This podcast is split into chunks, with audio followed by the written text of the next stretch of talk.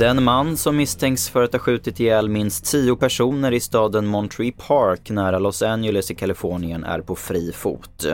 Skytten är enligt polisen en man och enligt uppgifter så ska han ha använt ett halvautomatiskt vapen.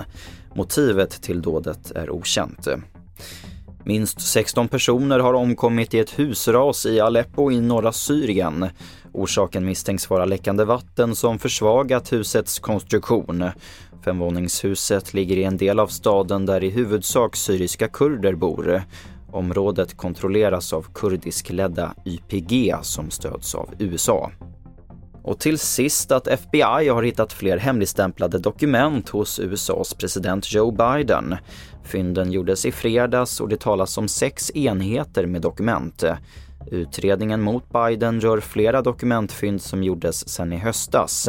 Sen augusti pågår en utredning mot den förre presidenten Donald Trump som också ertappats med hemligstämplade dokument i sitt hem. Vi hör reporter Thomas Kvarnkullen.